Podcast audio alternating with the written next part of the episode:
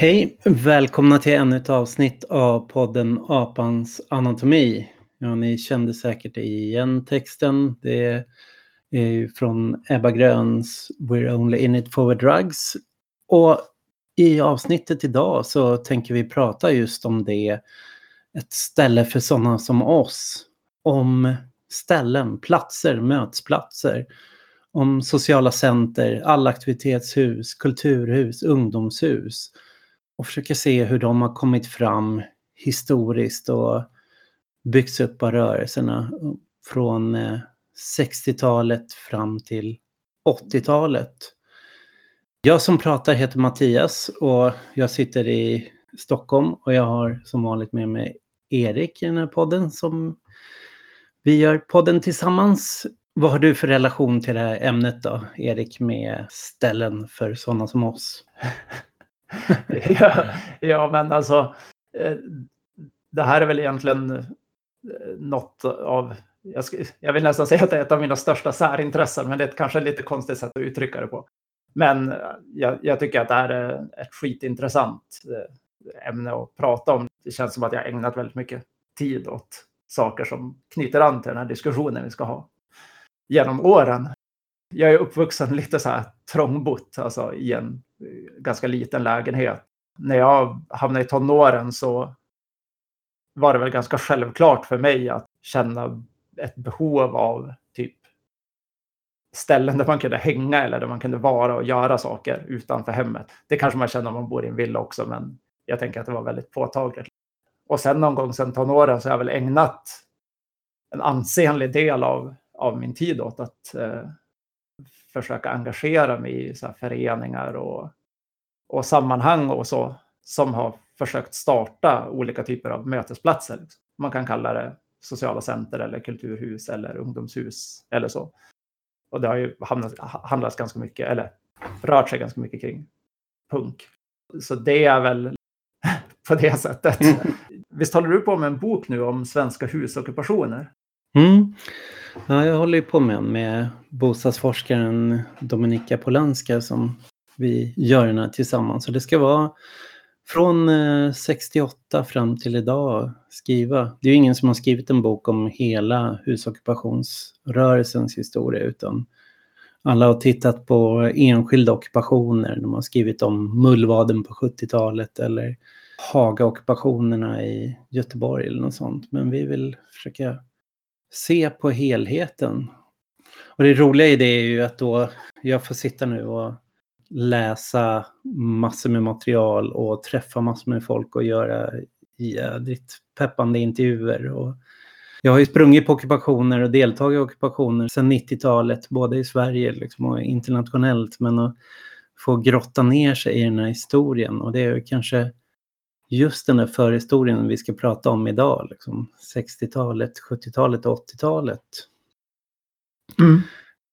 För om man ska börja förstå när det börjar ockuperas i Sverige. Liksom, Kårhusockupationen sker ju 1968 men eh, när ockupationer börjar som handlar om att öppna en lokal som en träffpunkt så är det ju vi kanske ska liksom först eh, reda ut lite hur de här de rörelserna förhåller sig till. För det är arbetarrörelsen och olika folkrörelser har ju alltid skaffat sig lokaler. Det har ju alltid funnits eh, Folkets hus och, eh, som de har byggt upp. Haft, organisering har alltid behövt ställen att vara, ställen att mötas. Och du har väl, du har väl kikat lite på det där liksom Folkets hus-rörelsen. Vad, som, vad, vad skedde med de här äh, folkrörelsemötesplatserna? Och...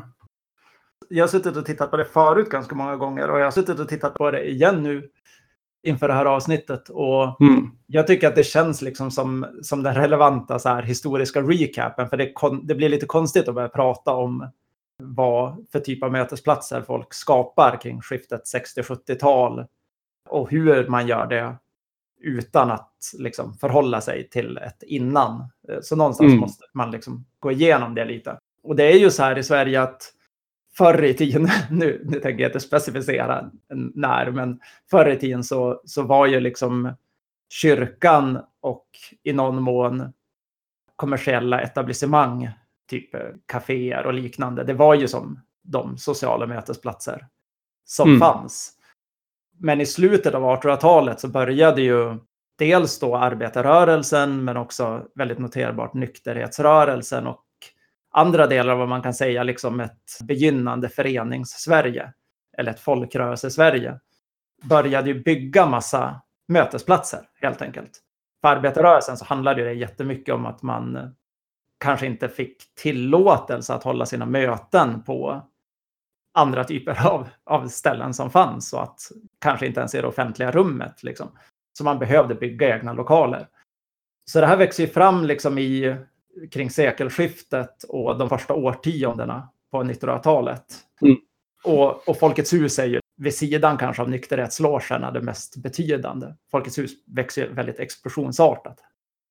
En annan grej som, som händer där i början av 1900-talet är någonting som kallas för hemgårdsrörelsen. Som egentligen kommer från dessa kristna missionärer. Mm.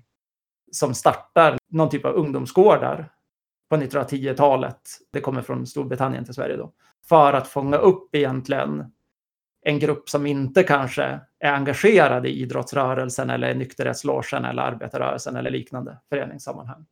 Och det här växer också väldigt explosionsartat där i början av, av seklet, liksom, fram till 1930-talet egentligen, så sprider de här hemgårdarna sig i Sverige. Det som egentligen händer då är att på 30-talet så kommer det en slags moralkonservativ backlash kan man väl säga i Sverige. Eller det gör det i hela Europa.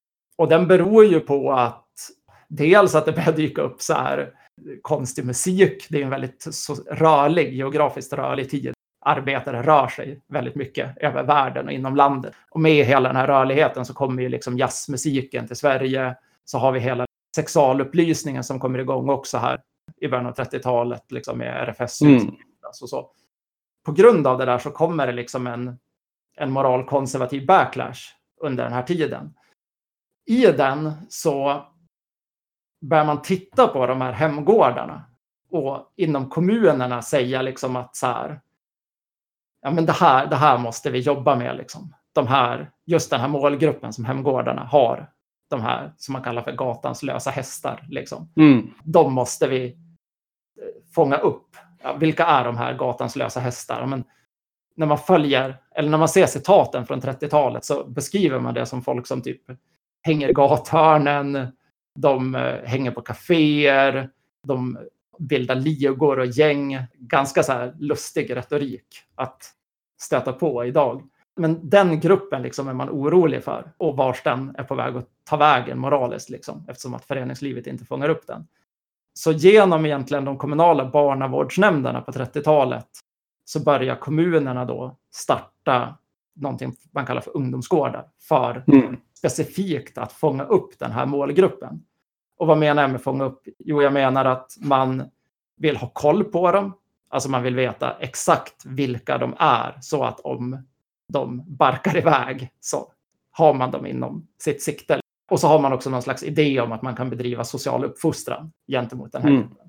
Det här tycker jag är liksom väldigt intressant. Att det, det finns hela den här socialpolitiska förebyggande målsättningen. Men det här är ju också någonting som sker parallellt med hur man ser arbetarrörelsens utveckling. Ronny Ambjörnsson, han har ju skrivit om den här skötsamma arbetarkulturen där arbetarrörelsen eh, dels för att bekämpa alkoholismen och vissa problem, men också för att framstå som en respektabel förhandlingspart så, så skulle man också ha det här skötsamhetsidealet och upporganiserandet av fritiden var väldigt viktigt. Och det delar ju liksom arbetarrörelsen med nykterhetsrörelsen och de här kristna rörelsen och hela det där socialpolitiska engagemanget, liksom den här besattheten i fritiden förs ju in i det här, både hemgårdsrörelsen och in i ungdomsgårdarna.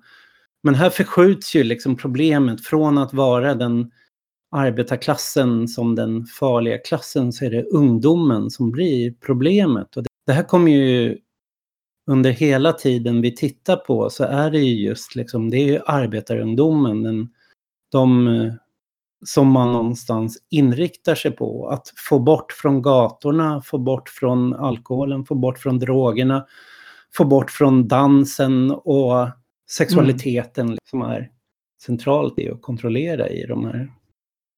Jo, exakt. Det, det här liksom när de här ungdomsgårdarna börjar bildas under barnavårdsnämnderna så blir det också en slags explosion. Alltså de kommer liksom i alla kommuner egentligen under 30, 40, 50-talet så sprider de ut sig. Det blir ju lite schismer med framförallt med föreningslivet. Föreningslivet under den här tiden, alltså då pratar vi då om arbetarrörelsen och idrottsrörelsen och nykterhetsrörelsen som de har lite en känsla av att så här istället för att ge dem pengar så att de kan liksom bedriva en nyttig verksamhet för de här mm.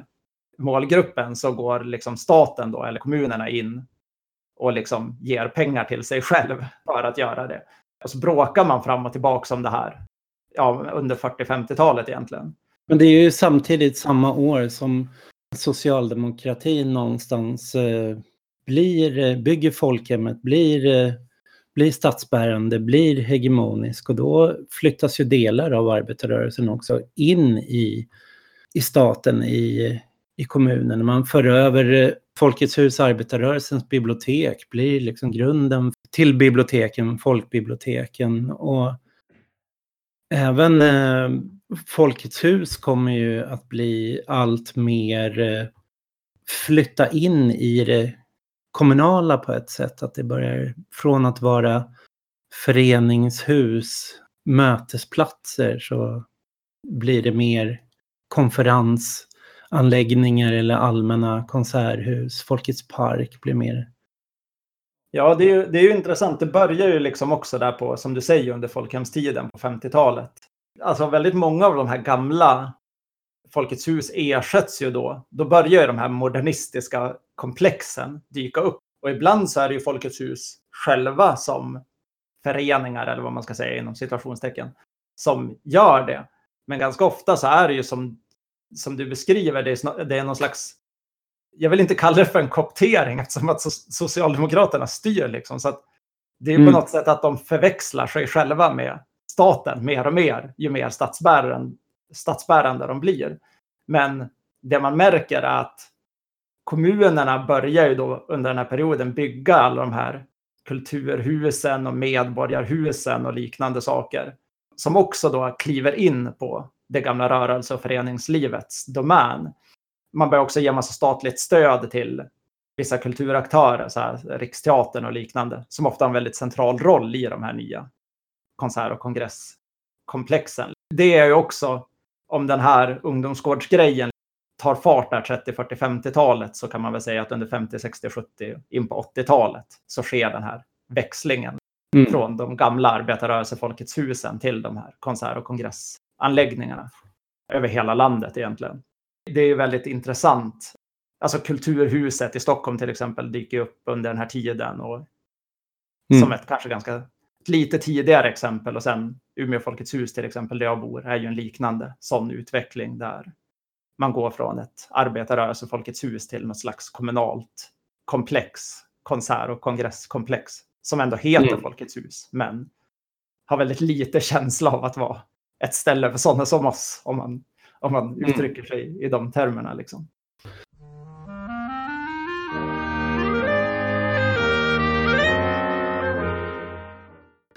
Så ungdomsgårdarna växer under hela den här perioden och Folkets hus knyts, eller ja, vad ska man säga, mötesplatserna knyts allt närmare till, till staten, till till kommunerna och samtidigt så har man ju då problem, ungdomsproblemen fortsätter ju. Dels med ungdomar som bara åker in och hänger i stan, hänger i centrum och man ser att det här mellanölen börjar breda ut sig på 60-talet. Drogerna, haschet kommer och ungdomsgårdarna försöker på olika sätt tackla det här. I Stockholm är det här ju väldigt speciellt för det här följer ju liksom med ungdomen tar sig in till stan samtidigt som de här stadssaneringen börjar. Att man ska riva stora delen av den arbetarstadsdelen inne i stan som vi, vi pratade tidigare om i vår, vår podd om stadskamp i klara kvarteren så att säga. Så att eh, i stora delar av innerstäderna i olika svenska städer så har ju staden köpt upp fastigheter, fastigheter som, som står tomma. Där man då flyttar in ungdomsgårdarna och olika fritidsaktiviteter för att få bort de här ungdomarna från, från gatorna. Den här utvecklingen sker parallellt då med att de här urbana sociala rörelserna börjar ta form som börjar varna för den här stadsutvecklingen och protestera mot det men också försöker skapa alternativa mötesplatser. Och det är ju den här rörelsen då som vi kan se i den begynnande alternativrörelsen där vi har konstnärer, vi har arkitekter och vi har eh, urbana eh, stadsrörelser som börjar diskutera liksom varför ungdomsgårdarna bara är träffpunkter för ungdomar och varför Folkets hus inte längre är mötesplatser för folket. Och man börjar drömma om eh, att öppna egna lokaler och titta på de här tomma husen som står och tänka, börja liksom fantisera, drömma om vad de skulle kunna vara. Och hämta inspiration lite från i, i Amsterdam, London, New York där de har ställt sådana hus till eh, rörelsernas förfogande. Och det begrepp man använder då för att beskriva de där husen, det är allaktivitetshus eller allhus. I Stockholm så är det en gammal gasklocka som står tom som Per Stolpe är en person som drar ihop, eh, samlar massor med arkitekter, aktivister och så som börjar liksom skissa på ett förslag för hur det där projektet gasklockan skulle kunna bli ett allaktivitetshus. Och den här filmaren Öyvind Fahlström har också tagit fram olika så här, föreställningar hur alla aktivitetshus skulle vara. Och det gemensamma för alla de här visionerna är liksom att det ska vara någon så här deltagarna själva ska få vara utveckla de här husen. Det ska inte vara bara konst, kultur som man går dit och tittar och konsumerar utan man ska vara med och utforma den, vara med, vara med och spela, vara med och skapa, vara med och bestämma kring hur kulturen utformas. Så att det här direktdemokratiska aspekten är den ena benet. Och det andra benet är att de försöker tänka liksom utifrån sociala frågor då, de här eh, ungdomarna, proletära eller vad man ska säga, arbetarungdomarna som inte har någonstans att ta vägen eller socialt utslagna grupper, hemlösa som är, ska kunna komma dit och vara med. Så att det, genom kulturell aktivitet ska man också försöka ge mening och ge, organisera upp fritiden för de här socialt utslagna eller de som bara hänger alltså om man tittar på de här, liksom vad Folkets hus har blivit och vad ungdomsgården är och så, så kännetecknas ju inte det liksom av något eh, inflytande, brukarinflytande. Mm. Liksom. Utan det är, ju, det, det, är ju en attityd under den här tiden där liksom staten har blivit väldigt stark och det är väldigt mycket uppifrån styrt kan man väl säga. Liksom. Vi snackar väl nu om att det här, det du beskriver med gasklockan och så, det är ju i slutet av 60-talet väl som det mm, börjar hända i, den diskussionen i Stockholm, det sker ju en diskussion där kring skiftet mellan 60 och 70-tal om sådana här saker också i Göteborg i Sverige. Men mm. kanske inte jättemycket i mindre städer som jag upplever det. Tar ett tag innan den här diskussionen på allvar mm. kommer igång i ja, medelstora städer kanske vi ska kalla dem. Men däremot, som du nämnde, ute i Europa. Det är under den här tiden så dyker Christiania upp i Köpenhamn. Det är lite senare. 71, mm. visst? 71. 71. Och vi gjorde ett avsnitt som vi döpte till Müslis and Mollis som handlade om de gröna i Tyskland egentligen och hur deras koppling till någonting vi beskrev som Sponti-scenen i Frankfurt. Och det dyker också upp någonstans här precis i början av 70-talet. Doch die Leute im besetzten Haus riefen, ihr kriegt uns hier nicht raus.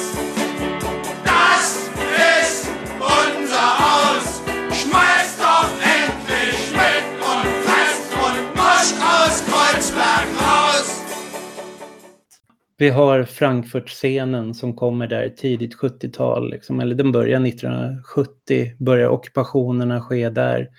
Samma i, eh, i Berlin börjar det ockuperas platser eh, 71 och 72, 73 och framåt. Och i Amsterdam så sker ockupationerna mycket tidigare men tar som fart där. 69 blir det här kraken, alltså ett begrepp för att ockupera, att crackers, mm. alltså husockupanter, liksom, som ett begrepp. Och 70-71 så blir det här, tar det verkligen fart. Så det här är en strömning som sker i hela Europa. Och den här föreställningen då om att ockupera för att skapa sådana mötesplatser, det, det når ju även till Sverige där det diskuteras och då har vi ju de här ungdomsgårdarna som försöker handskas med det här uh, ungdomsproblemet som de ser, drogsituationen. Så att de i vissa ungdomsgårdar så har man ju i stort sett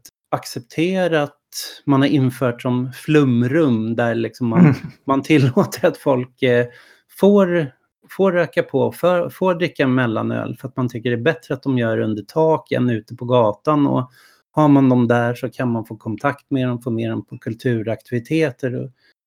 Men det intressanta är att eh, runt här 69 då så börjar den här allaktivitetsdiskussionen att läcka in i, i ungdomsgårdarna och hos eh, barnavårdsnämnden som, mm. som börjar då se om det här är ett sätt att göra det. Så att både i Göteborg och Stockholm så inrättar barnavårdsnämnden lokaler i de här äh, tomma, vad ska man säga, husen med rivningskontrakt som, mm. som man säger att det här ska vara ett allaktivitetshus. Brukarna, de som kommer hit ska själva få använda det. Det ska vara för alla åldrar. Men barnavårdsnämnden har fortfarande anställda där, ska hålla viss koll och ha en viss styrning. Så man försöker sitta på båda stolarna där. Både låta det vara självorganiserat och samtidigt ha kvar en viss eh, kontroll över de här platserna. Mm. Det är här då den här konflikten kan man säga uppstår. Att det, i, I Stockholm så ställer man ett eh, hus till förfogande då. De här allaktivitetsaktivisterna, de får ju inte gasklockan. De håller på att förhandla om en konsertlokal som heter Nalen. De är, säger att men Moderna Museet, Moderna Museet borde öppnas upp och bli ett allaktivitetshus. Och samtidigt håller man då på och bygger Kulturhuset vid Sergels torg och det är prat om att eh, man ska flytta dit Moderna Museet och huseras på en av våningarna i det där huset. Och det diskuteras allvarligt inom, eh, inom Stockholms stad att låta resten av Kulturhuset vara ett allaktivitetshus, ett brukarstyrt hus med, där det ska finnas folkkök dit liksom även hemlösa uteliggare, ungdomar ska kunna liksom komma in och, och hänga. Mm. Och det, det man ställer till förfogande då är ett hus på Gamla Brogatan. Och Gamla Brogatan är liksom mitt i Klara, men det är ett av de gator som, som inte hade rivits än. Till en början så är ju hela de här äh, Gasklockan-folket, Norrgenskonen Alternativ Stad har sin lokal i samma kvarter, så de använder det här som stormötesplats för, för stormötena. Så så att det är verkligen en sån här social träffpunkt. Man har konsertlokal, man har en rad olika aktiviteter där. Man, eh, band som spelar och repar där. Trädgräs och stenar är kanske ett av de kändaste proggbanden då som kommer ur det där. Som också är med och börjar organisera Gärdesfesterna där. Så att det, det sker en hem, himla massa saker där men man får också väldiga problem då med droger och med det de kallar gubbarna då, alltså de hemlösa alkisgubbarna som kommer dit som man till en början låter vara där och sen försöker fixa en annan kåk liksom i närheten där de får sitta. Och samma problem får de i Göteborg där de ställer först en lokal som är, kallas Aveny 18 eh, och sen eh, flyttas det över till ett ställe som heter Hagahuset.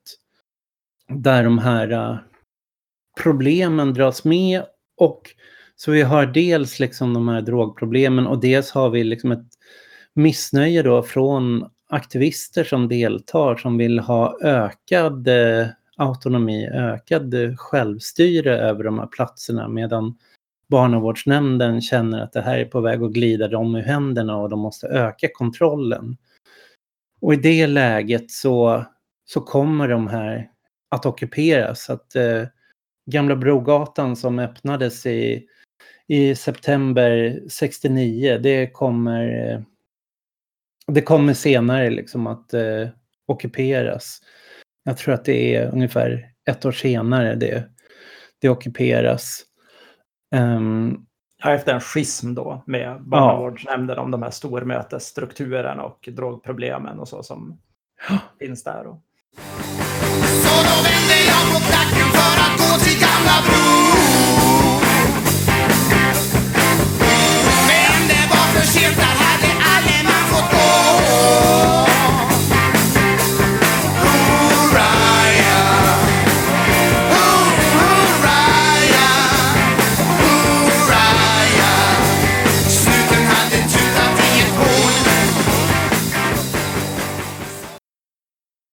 Och sa, samma sak hände i Hagahuset, va? Nästan ja. samma situation.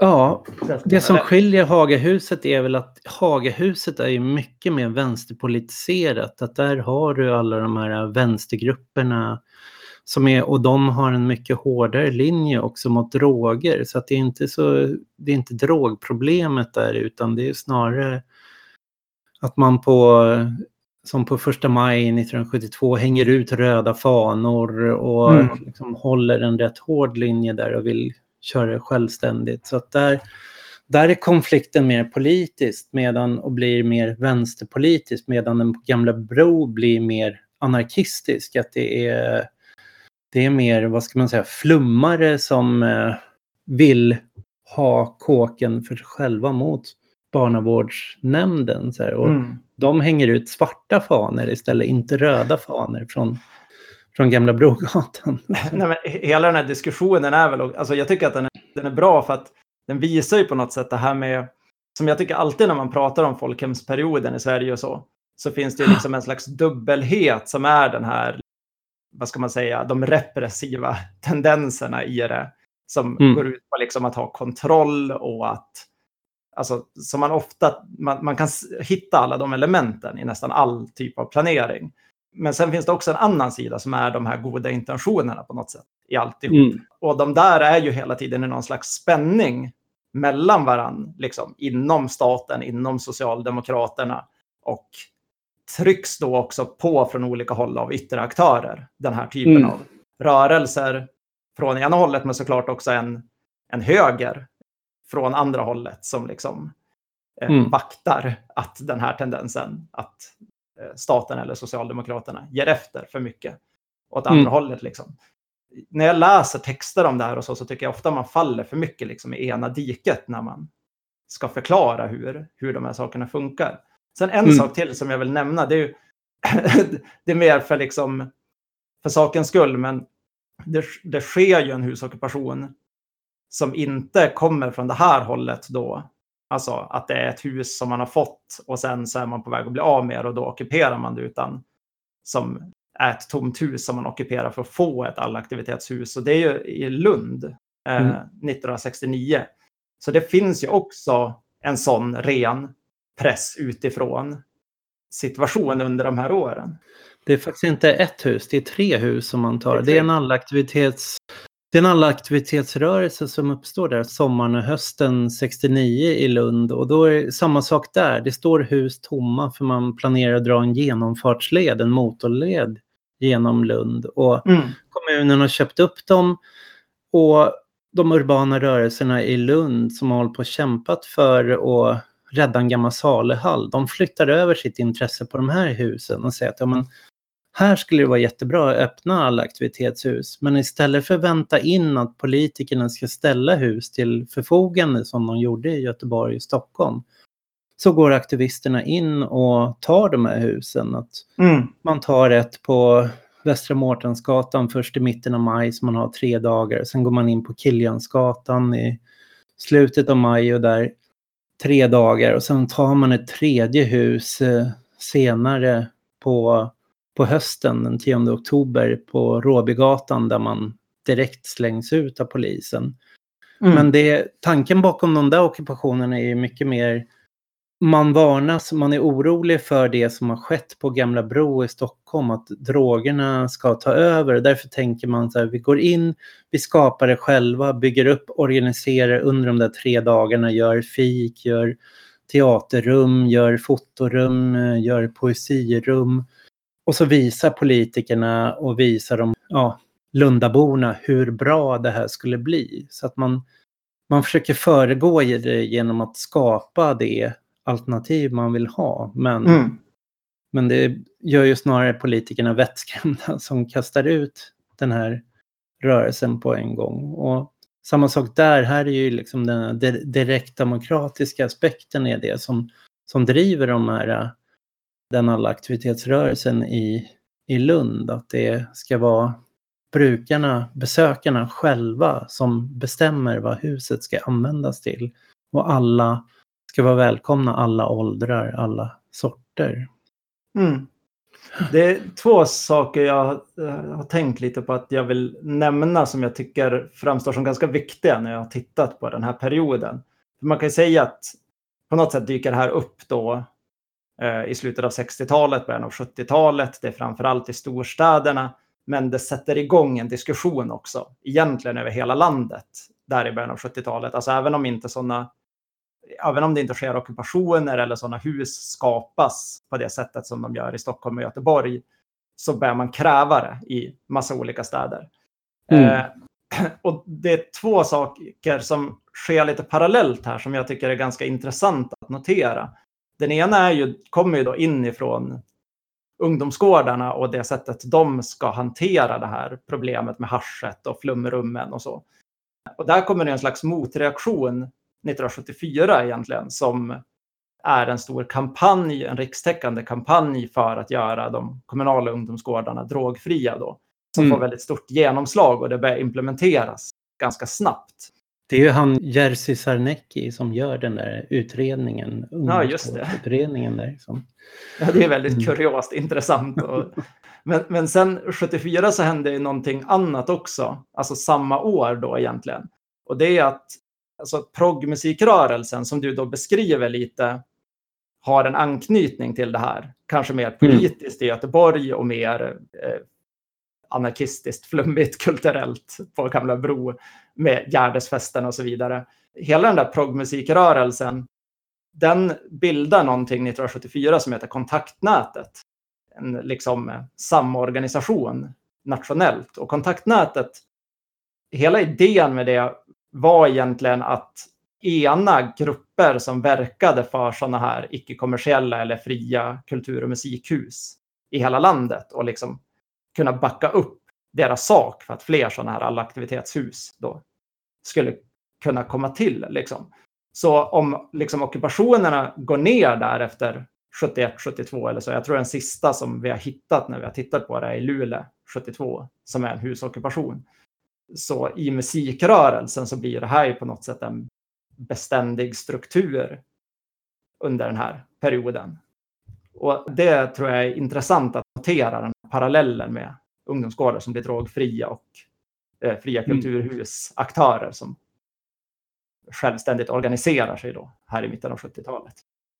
och man döper ju om ungdomsgårdarna till fritidsgårdar då i, efter det här. Och det är lite som ungdomsgårdarna i stort sett också har fått så dåligt rykte och fått sådana problem med droger. Så att det, man börjar skärpa till det rätt rejält. Men det, det fortsätter att eh, expandera, att växa. De här fritidsgårdarna växer och sprids.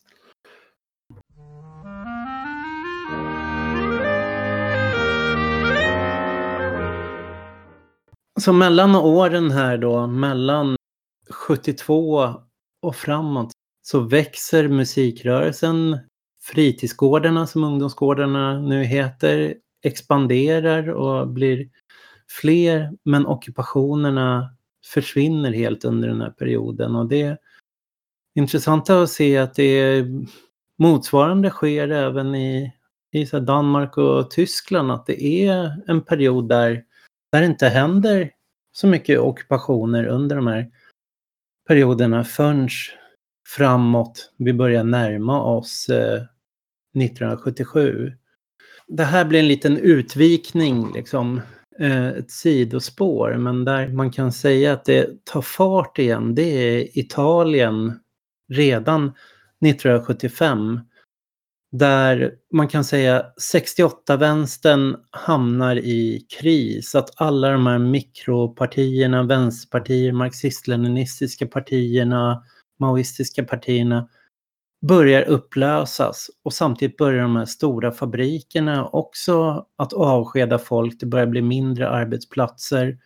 Det blir ju en ekonomisk kris där, 73, ja. Eh, som är ganska, det kan vara ganska viktigt att förstå i, i ja. flod och ebbe. Och det innebär också att det kommer, bostadskampen blir mer central, att det bildas antivräkningskommittéer, det är folk som försöker, i Italien är det väldigt mycket det man försöker reducera, minska sina hyror kollektivt, man hyresstrejkar och Dario Fo har gjort en pjäs om det som heter Vi betalar inte, vi betalar inte om hela den här rörelsen. Men det leder till i Milano som är, alltså Rom är ju Italiens huvudstad eh, politiskt, men ekonomiskt så är ju Milano alltid varit Italiens ekonomiska centrum, finansiella centrum. Det är där ofta de här nya rörelserna också tar form först. De börjar ockupera övergivna gamla fabrikslokaler då, stora platser, så att vi får de här, det de kallar eh, Centro Sociale, sociala center, som Leon Cavallo 1975 och Il Fabricone samma år och sen La Fornace 77 som blir en helt ny sorts politisk organisation som inte baserar på medlemskap och inte samlar studenter utan samlar mer gatuungar, liksom ungar som hänger ute. De kallar sig för eh, proletära ungdomskretsar, de här. Och namnet sociala center, det är inte nytt utan det är liksom i Italien så blev inte som i Sverige att fritidsgårdar och Folkets hus fördes över på staten utan det var alltid knutet till Kristdemokratiska partiet eller till Socialistiska partiet och Kommunistiska partiet. Och deras lokaler kallades ofta sociala center, deras olika kretsar. Mm. Så här var det liksom ungdomar som bara började ta de här namnen men de kallade det så för självstyrda sociala center, kallar de det. För att markera liksom att det var inte, att de var fristående från alla partier utan var öppna för vem som helst att komma till. Och den här sociala centerrörelsen har sen eh, kommit i olika vågor men det är bara intressant att nämna den här första vågen som sammanfaller då sen med hela den här 77-rörelsen som kommer att kallas för autonomia, de autonoma. 77-revolten är ju liksom, i Italien är det autonomia, i England får vi punken. Det här kommer också liksom vitalisera den eh, tyska ockupationsrörelsen som kommer igång där igen, kanske 77 men 79, 80, 81 tar en mer fart. I, i Sverige mm. får vi ju Mullvaden som ockuperas de här åren. Vi har ju också, det är ju inte ett hus, men vi har ju en skogsockupation här i Umeå 1977. Mm. Som också hänger samman lite med att det finns vissa grupper då i Umeå som har blivit lite mer starka som, har, som tittar mycket på vad som händer i Italien under den här perioden. Jag hittade också att det ska ha 78 en husockupation i Karlstad som är lite liksom eh, ur mönstret för när sådana här saker sker i Sverige. Förutom då just Mullvaden i Stockholm. Eh, och det verkar ju vara de kretsarna som tittar åt, åt Italien som mm. börjar göra lite saker då under den här tiden mm. som ändå är en mellantid för att skapa sådana här mötesplatser i Sverige.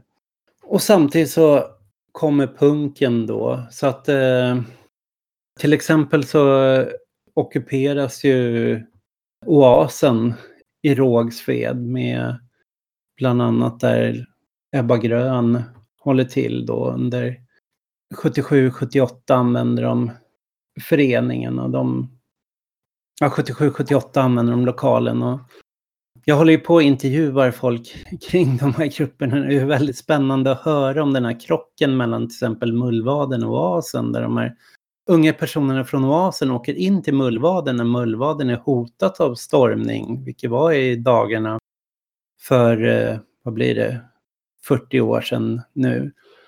Kommer in och tänker sig, ja men vi måste dit, vi måste hjälpa till att slåss, vi försvarar barrikaderna, står vid polisavspärrningarna och de i, i Mullvaden som hade mer kanske koppling till den, den gamla allaktivitetsrörelsen och 68-vänstern och alternativrörelsen var liksom, nej men det ni ska göra är att lära er djupandas så att ni kan bli så tunga som möjligt när polisen kommer så att om ni blir tunga och bäras ut och de från oasen bara säger ja, tack och hej och vänder och åker, åker ut i Rågsved igen och säger att ja, men det här är inget för dem. Så för, för, att förklara lite. Alltså Mullvaden är ju mm. egentligen vad är det, fyra fastigheter, ett kvarter på Södermalm i Stockholm.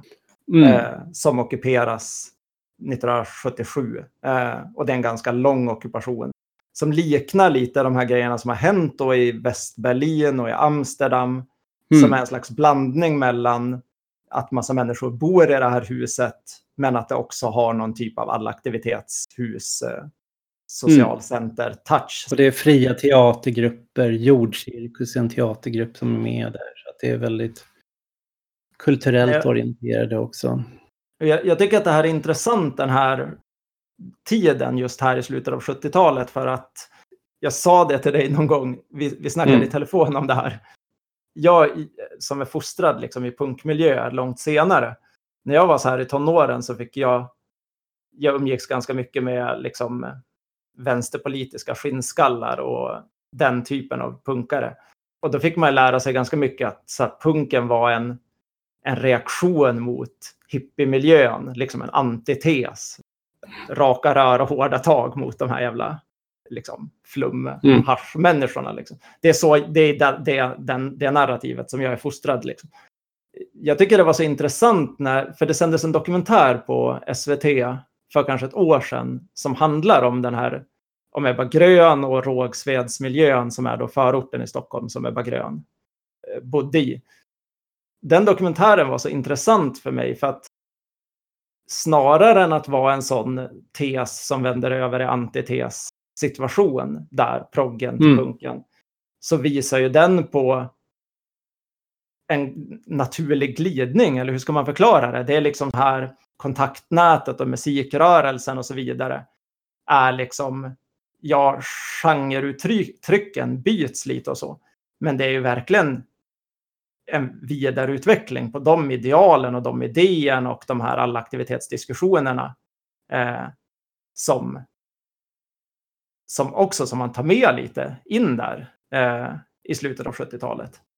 Mm. Eh, och vi, vi, pratade lite om det här också när vi gjorde det här Müslis and Mollys avsnittet och pratade om Tyskland. Eh, så pratade vi lite om det här med de här frihetliga uttrycken i 68-upproret. Och hur de på något sätt kommer där i 68-explosionen och sen blir lite kvästa av att det på något sätt domineras av de här små vänstersekterna.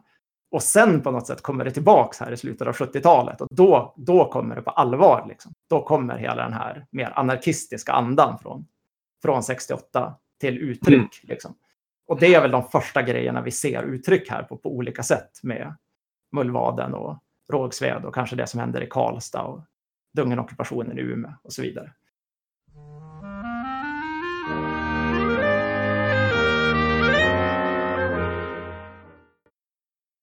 Så de här åren där då, 77-78 är ju en liten brytningstid då mellan det, det som är tidigare och det som, som komma skall. Det är liksom no november 79 ockuperas eh, oasen och i samma veva där så bildas, eh, det här är i Rågsved, i Handen i Haninge så bildas eh, kulturföreningen Ultra där som eh, får sitt hus och sen i väldigt hög takt så uppstår en rad olika spelställen, punklokaler som kommer. I, I Göteborg tar man ju över, eh, ur det där Hagahuset så kom en förening som hette Sprängkullen som eh, var en spelställe för proggarna där punkarna fick sitt utrymme och liksom kunde... Mm.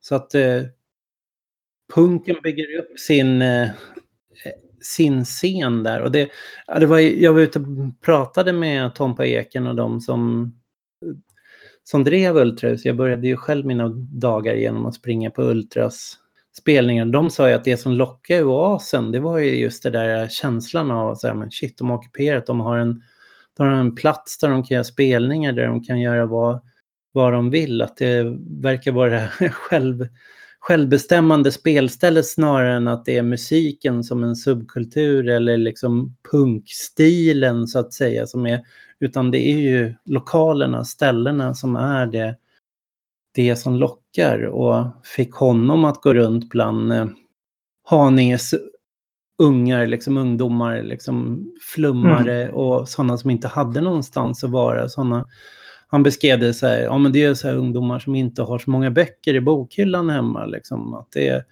eller bo trångbott som mest hänger i centrum. Det var de namnen de samlade in, bildade en förening av människor som inte hade någon vana att föreningsorganisera sig och gick upp till kommunen, visade bilder på alla tomma hus i, i Haninge och sa men något av de här vill vi ha och till slut fick ett hus då och, och mm. göra spelningar i.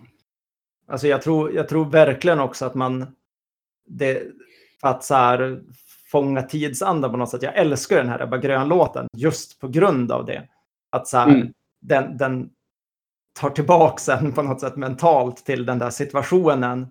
Där jag tror att väldigt mångas liksom, mindset präglas av att så här, de här stora stadsomvandlingarna börjar vara genomförda. Vi har fått de här stora liksom, Domus-centrumen, miljonprogramsområdena som är sovstäder. Det är väldigt många som har en känsla av alienation inför den tillvaron. Liksom. Det är då hela den här jargongen kring DDR-Sverige och sånt dyker mm. upp. Så här, Sverige som absolut mest jämlikt de facto vid, vid just den här tidpunkten här. Skiftet 70-80-tal eller 85 tror jag är Sveriges liksom. Då har man lägst Gini-index alltså. Som är mm. jämlikhetsmåttet liksom. Men det är också då den här alienationen blir så stark. Liksom, över att, alltså att många unga känner att man inte har något inflytande och, och den här idén blir då väldigt explosiv med det här du säger, liksom, att känna så här, ja men det är ett ställe där vi får göra vad fan vi vill, där det inte mm. är någon som uppfostrar oss eller, eller liknande. Och då kommer vi till, till den här, då är vi 1980 liksom. Eh, och där händer ju verkligen någonting stort i, i det här avseendet. Det man kan säga egentligen, om man tittar på 1980, det börjar ju med att i en rad europeiska storstäder så liksom exploderar den här situationen. Det är i Köpenhamn i någon mån, i Amsterdam, i Berlin, i Zürich, och mm. senare också Oslo, Trondheim, Aten och Thessaloniki i Grekland. Det är liksom, det börjar 1980 men det är 80 till 83 egentligen kan man säga. I många av de här städerna så blir det liksom, blir de här ockupationsrörelsen och kraven på alternativa sätt att bo på, alternativa mötesplatser och så enormt stora. Det skapar stora ungdomsrörelser. Kan mm. man säga. I Zürich har man det är väl redan 1980, så har man de här ungdomskravallerna, operakravallerna, som är ett uttryck för det här. Och i Köpenhamn, mm. Amsterdam dyker då upp de här riktiga kraken, Besetzung-rörelserna, BZ som det kallas i Danmark. Där kommer ju det på riktigt liksom. På något sätt har varit trevande innan så blir det här stort då. Vi ska lägga upp lite länkar om det här, men det finns ju en väldigt fin dokumentär, Syri bränt, om eh, den här rörelsen i, i Zürich, om de, kampen där för eh, det de kommer att kalla det liksom ungdomshus eller ungdomscenter, Jugendcentrum, som också mm. kommer bli en paroll som plockas upp lite här och var. Alla aktivitetshus dyker fortfarande upp eller så kallar man bara för besättzung, liksom squat eller autonomt centrum, autonomt ungdomscentrum. Man kan väl säga att i Sverige så kanske så används här i början av 80-talet allaktivitetshuset begreppet som jag har kunnat se i alla fall ganska mycket fortfarande. Och det kanske har att göra lite med den här specifika laddningen i ungdomsgårds, ungdomshusbegreppet mm. som kommer från hur det har använts liksom, av de här statliga ungdomsgårdarna. Där man har något slags behov av att distansera sig från det. Medan det i Europa är ganska mycket det ordet som mm. ungdom som står i centrum för, för den här perioden. Liksom. Men när det här tar fart i Köpenhamn, Amsterdam och Zürich och så vidare. Det är några väldigt viktiga saker som händer under de här åren. Vi kan inte prata jättelänge om det, vi kan nämna dem i alla fall. I Köpenhamn så sker det massa ockupationer, men en stor sak är att i de här ockupationerna så finns det ett hus i Nörrebro som en folkmusikförening har försökt driva sedan 78 och sen så har de gått i konkurs under 81 och då börjar folk från den här husockupationsrörelsen att använda det formellt, eh, börja förhandla med kommunen och kommunen köper till slut det här huset av Folkmusikföreningen och ger någon slags inofficiell besittningsrätt till brukarna. Det huset kallas för Ungaren i Danmark, ungdomshuset, och var väldigt viktigt för liksom punkscenen och för husockupationsrörelsen i Köpenhamn fram tills att det vräktes 2007. Samtidigt, egentligen exakt samma år, så dyker ett ställe upp som heter Blitz i Oslo på liknande sätt.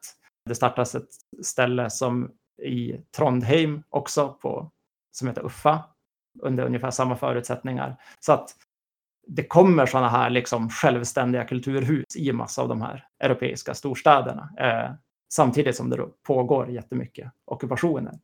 Och det här sprider sig också till Sverige för att gå rakt på sak. Det, det som är intressant, för jag satt och tittade lite på det här förut idag och jag tror att jag börjar fatta hur det sprider sig.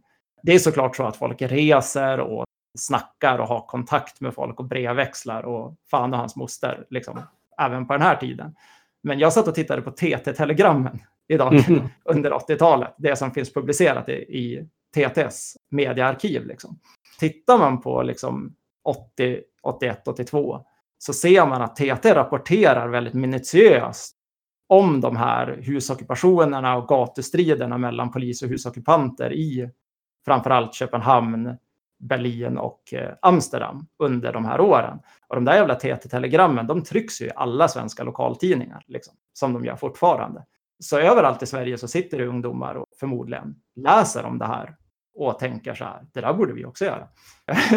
Ganska naturligt. Och det händer också. Men det händer inte i storstäderna. Eh, mm, det är om, intressant. Om det har hänt liksom här i början av 70-talet är väldigt centrerat i Stockholm och Göteborg så är de inte alls med på banan här i början av 80 Utan det är i de medelstora städerna det händer någonting nu. Det är Jönköping, det är i Västerås, det är Umeå, det är i Helsingborg, Landskrona. Uppsala. Precis. Och i nästan alla de här fallen så tar det inspiration från det som händer i Europa. Man, mm. Det är punkkids framför allt, lite vänsterungdomar också, men väldigt dominerat av punkungdomar som ockuperar hus och kräver att få allaktivitetshus eller ungdomshus eller något liknande begrepp för samma sak egentligen. Självstyrda mm. mötesplatser. Jönköping är kanske den mest uppmärksammade. Ja. Eh, de ockuperade bland annat en brandstation 82 mm. som sen ledde fram till att man fick ett kulturhus som heter Kulturhuset i Tändsticksområdet där i Jönköpings centrum som fortfarande finns kvar. 83 fick man året efter då. Ja, precis. Och i Umeå så tog det här lite andra former, men man ockuperade ett hus 82 som man kallade för allaktivitetshuset, som man sen lämnade med löfte om att man fick en annan kåk helt enkelt. Som sen lite rann ut i sanden. Men hela diskussionen kan man säga slutade i att man 1987 startade ett ungdomshus med en ganska hög grad av brukardeltagande som heter Galaxen. Som blev jätteviktigt för hardcore-scenen på 90-talet i Umeå. En kommunal ungdomsgård men med brukarinflytande. Och det där med Galaxen är, det finns en lustig parallell i det för att ungdomshuset då i Köpenhamn som har startat 82, det är ju gamla Nörrebro Folkets hus från 1800-talet. Det är där man beslutade att internationella kvinnodagen skulle startas. Lenin var där. Det är så här skitviktigt historiskt ställe. Och lokalen som blir Galaxen i Umeå är också Umeås gamla Folkets hus som då har lagt ner några år tidigare för att man har byggt ett sånt här konsert och kongress Folkets hus i Umeå centrum som öppnar då 85. Det sker ju då i massa av de här småstäderna i början av 80-talet i Sverige. Vi kan ju fundera lite varför det inte kommer på samma sätt till Stockholm, Göteborg och Malmö, Lund som, som de andra städerna. Och dels kan det ju ha att göra med att i, i Stockholm så är det liksom en annan, jag tänker det är en annan dynamik som har satts igång där. Att eh, de stadsomvandlingar som skedde under 60-70-talet avstannar lite. Och det tar nästan i slutet av 80-talet innan de börjar ta fart igen. Mullvadsockupationen och så, det resulterade i att det öppnade ett stort aktivistcenter mitt på Götgatspucken, Götgatsbacken på Söder som hette Svarta månen. Där anarkisterna, Alternativ stad, man hade radiostation, man hade tidning, man hade konsertlokal. Allting fanns under de här åren och samtidigt i varenda kranskommun till Stockholm så uppstår det små lokala punkföreningar som bildas.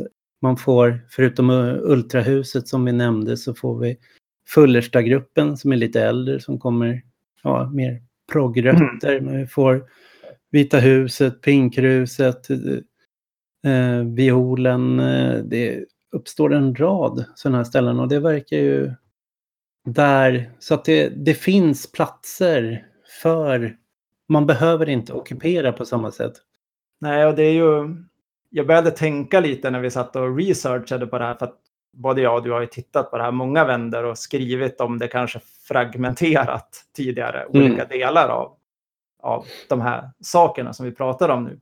Men att det, att det finns en, en förskjutning i när de här stadsomvandlingarna sker. Liksom. Om man tittar på vilka städer det här sker i början av 80-talet. Alltså Helsingborg, Västerås, Umeå, Jönköping. Det är ju städer av väldigt, alltså nästan exakt samma storlek. Liksom. När stadssaneringarna sker och har också liksom effekt på när det här momentumet på något sätt finns. Det är inte bara exakt inspirationen utifrån kommer som spelar roll också såklart de lokala omständigheterna. Och det du säger med vad man har för uppfyllda behov vid den här tidpunkten. I Umeå så har man ju, man har ju fört den här diskussionen sedan tidigt 70-tal då i Umeå om alla aktivitetshus, men inte fått något när hela idén dyker upp om att bygga Umeå Folkets hus, det nya, som då man kallar för Kulturhuset i debatten under 70-talet, så finns det gräsrotsrörelser som driver jättestarkt på att kommunen istället ska satsa på att det ska startas massa fria kulturhus i stadsdelarna istället för att man ska centralisera mm. resurserna till det här jätteprojektet. Liksom. Det finns en kulturförening i slutet av 70-talet som heter Stacken också i Umeå som ju är lite rötterna för den här allaktivitetshusrörelsen i början av 80-talet. Så om du säger att i Stockholm så, så var det behovet kanske lite uppfyllt och stadsomvandlingen var i en annan fas så var stadsomvandlingen på något sätt i sitt senit här i Umeå i alla fall. Alltså det stod väldigt mycket tomma hus i början av 80-talet i Umeå centrum. Och man hade inte fått någonting egentligen ur rörelsedimension. Vi hade ju också en kvinnohusockupation, ska sägas, 83 under den här perioden i Umeå. Året efter all aktivitetshusockupationen. Som ju var lite samma grej. Alltså, man begärde en mötesplats, men då med fokus på kvinnojoursverksamhet och trygga rum och så vidare. Mm. Jag vet inte, men jag tänker mig att det kanske ser likna, att, Ja. att det finns liknande omständigheter i en del av de här andra städerna vi nämnde. Mm. Jag har faktiskt ingen koll på det här som händer i Västerås. Jag vet bara att det har hänt. Nej. Det är fem, fem allhusockupationer under ett år, Mm. där 82. Eh, som också är vä- vä- väldigt eh, militanta i det jag har sett av, av Mm. dem. Liksom. Men det är någon som måste berätta om det så vi får veta lite mer. Ja, och det är lite 70-talets husockupationer kanske är lite mer välkända och sen det får bli en framtida podd när vi diskuterar de rörelserna som kommer från 86 och framåt där vi får husockupationsrörelser i Göteborg, Stockholm och sen senare även Malmö igen där de har tidningen Brand som organ som de kommunicerar emellan. Men tidiga 80-talet det är ju inte så att det skrivs på samma sätt om det. Samtidigt som det är då är dagligen i tidningarna om de stora ockupationsrörelser som pågår i, i Europa. Så att det, diskussionen är ju närvarande. Jag känner att jag måste få säga någonting om, om hur det ser ut i de här europeiska storstäderna. Att det känns som att vi har nämnt Blitz och ungdomshuset och så vidare, men den allmänna scenen framgår på något sätt inte. Alltså, det, är väldigt, det, är, det är en väldigt stor sak, de här ungdomsrörelserna. Vi nämnde operakravallerna i Zürich, men liksom i, i Köpenhamn är det alltså varenda månad under, egentligen från 80-81 någonstans hela vägen fram till 86. Och det handlar, precis som i Mullvadenfallet i Stockholm, ofta om hela bostadskvarter som ockuperas där man stänger av hela gator med barrikader. Det är hundratals människor som liksom ute på gatorna och försöker försvara de här husen mot polisen då som ska vräka dem. Och det är ju egentligen så det ser ut i Amsterdam också. Ja. I Amsterdam hade man ju fördelen att eh, redan 1971 så blev det en slags legalisering av husockupationerna.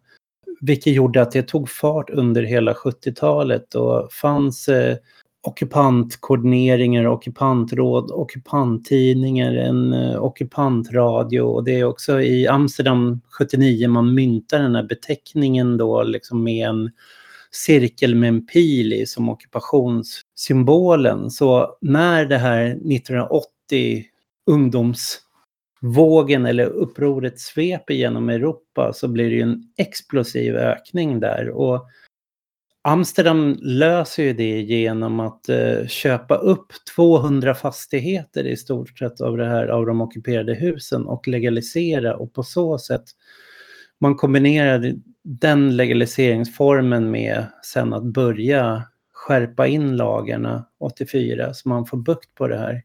mm. I Berlin sker ju lite liknande saker. Liksom att det, det börjar komma en ny våg 79 men det är först i december 80 då den här tar fart och då finns det ungefär 30 husockupationer i Berlin. Men från den sommaren då, 81, så är det 170 hus som ockuperas. Och man har bland annat ett ställe som heter Konst und Kulturcentrum, liksom Kukuk, som blir varje vecka hålls stora koordineringar för hela Berlins ockupationsscen och det blir större och större konfrontationer med polisen vid varje vräkning. Så att det i september 81 så dödas en ockupant när han blir överkörd av en polisbuss och då är det liksom 10 000 ockupanter som går ut och demonstrerar i Berlin. Och det är samma sak där, 84 har man liksom lite fått bukt här genom att hälften av alla de här ockupationerna har legaliserats och det här Kukuk har vräkts från sin plats. det är väl egentligen det man eh, försöker med att man, att man får ungdomshuset i Köpenhamn, man får Blitz i Oslo, Uffa i Trondheim och så är ju att, skulle jag tro, att lokalpolitikerna i de här städerna ser den här utvecklingen i andra europeiska storstäder Mm. och också försöker hitta medlingar liksom, med de här grupperna. Man förstår att man kan inte bara möta dem med repression, utan det måste vara något slags både och. Sen är ju i Amsterdam och ännu mer i Berlin så handlar det ju mycket om bostäder, även om det är svårt att skilja mm. den här. Det kan ju vara en kombination av, alltså ofta vill man ju upplösa gränser mellan bostadsutrymmen och sociala utrymmen. Medan det som kanske kommer mm. in i Skandinavien och framförallt i Sverige är ju mer sociala mötesplatser. Det sker ja. ju inga bostadsockupationer alls i, i Sverige under den här vågen, utan det är ju, vilket ju väldigt mycket av det handlar om i Berlin. Så att det kan ju vara intressant att nämna. Men vi fokuserar mm. ju lite på de här mötesplatsdelen av det här nu. Ja. I Hamburg så ockuperas ju 81 Hafenstrasse och det kan man ju ta som exempel på att det är, det är bostadshus som renoveras upp men i nedervåningarna så gör man ju då squatpubbar, bokhandlar, eh, mötesställen. Så att det, det finns liksom en levande gemensam kultur i det där eh, och samtidigt så är det bostäder. Så att det är kombinationen mm. av... Det är inte som sociala centren som bara är enorma aktivitetshus, mötesplatser. Men det är inte heller bara ett privat boende. Utan det är ju verkligen politiska träffpunkter fast folk bor i husen. Vi kanske får eh, dra ett streck här för det här mm. avsnittet och hoppas att vi får lite tid och en chans längre fram någon gång med den här podden att återkomma till det här ämnet och vad som hände senare. för det finns ju väldigt mycket det finns ju flera vågor senare av husockupationer, men nu har vi på något sätt försökt gå igenom hur det här fenomenet och de här begären dyker upp i relation till vilka typer av mötesplatser som fanns innan. Så mm stort tack igen för lyssningen. Mm. Tack så mycket och vi hörs snart igen. Hej!